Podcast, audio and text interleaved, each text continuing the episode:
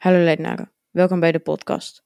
De podcast bestaat uit 10 afleveringen, elk over een andere onbekende parel van Leiden. Dit kan een plek, een weetje of iets anders zijn. Het is een topteam en we beginnen dus bij 10.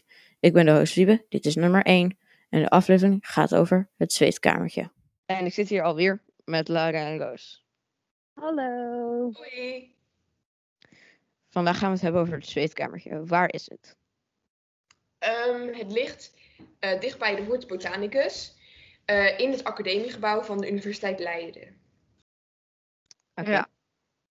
Eh, waarvoor werd het vroeger gebruikt? Ehm, eh, het zweetkamertje werd vroeger oorspronkelijk gebruikt als vergaderzaal van de curatoren. Daarna opslagplaats van turf. En daarna tweede senaatkamer voor afnemen van examens. En pas in de 18e eeuw werd het gebruikt als zweetkamer. Oké. En waarom heet het de zweetkamer? Eh, ja, dat is eigenlijk wel grappig, want de traditie is dat studenten in het kamertje moeten wachten op hun doctoralen. En terwijl ze dan aan het wachten zijn, zijn ze aan het zweten. En daarvan komt eigenlijk het idee van het zweetkamertje.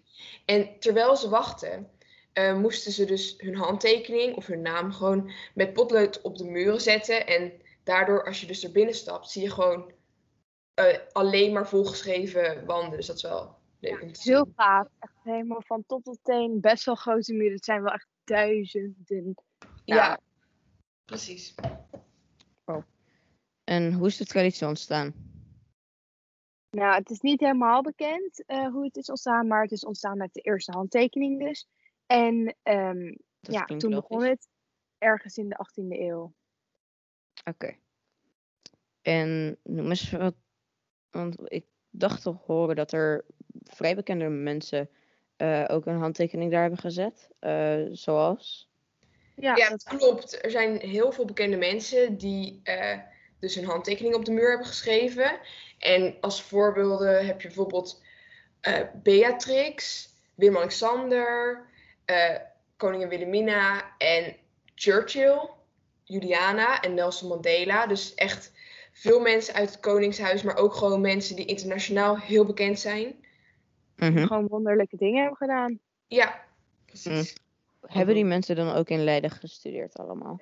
Deze mensen hadden niet allemaal gestudeerd in Leiden, maar mochten een naam zetten omdat ze een Leids eredoctoraat behaalden. En dat is een soort prijs die je krijgt als je wonderlijke goede dingen hebt gedaan. En dat hebben deze mensen dus gedaan.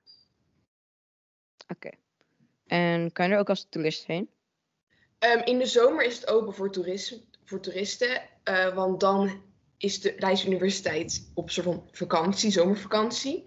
Maar als je het alsnog wil bekijken en gewoon door het jaar heen, dan kun je naar de website toe gaan.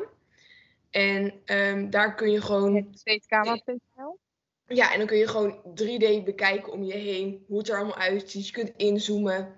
Je kunt, er zit ook een soort van links in dat je gewoon kunt zien wie zijn handtekening dat is. En dan, ja, het is wel leuk om een keer Ja, het heen is te wel eh eh, aanradertje om even te kijken. Het is wel een mooie kamer. Ja, zeker. Oké. En dat is het dan weer voor deze aflevering. Tot de volgende keer.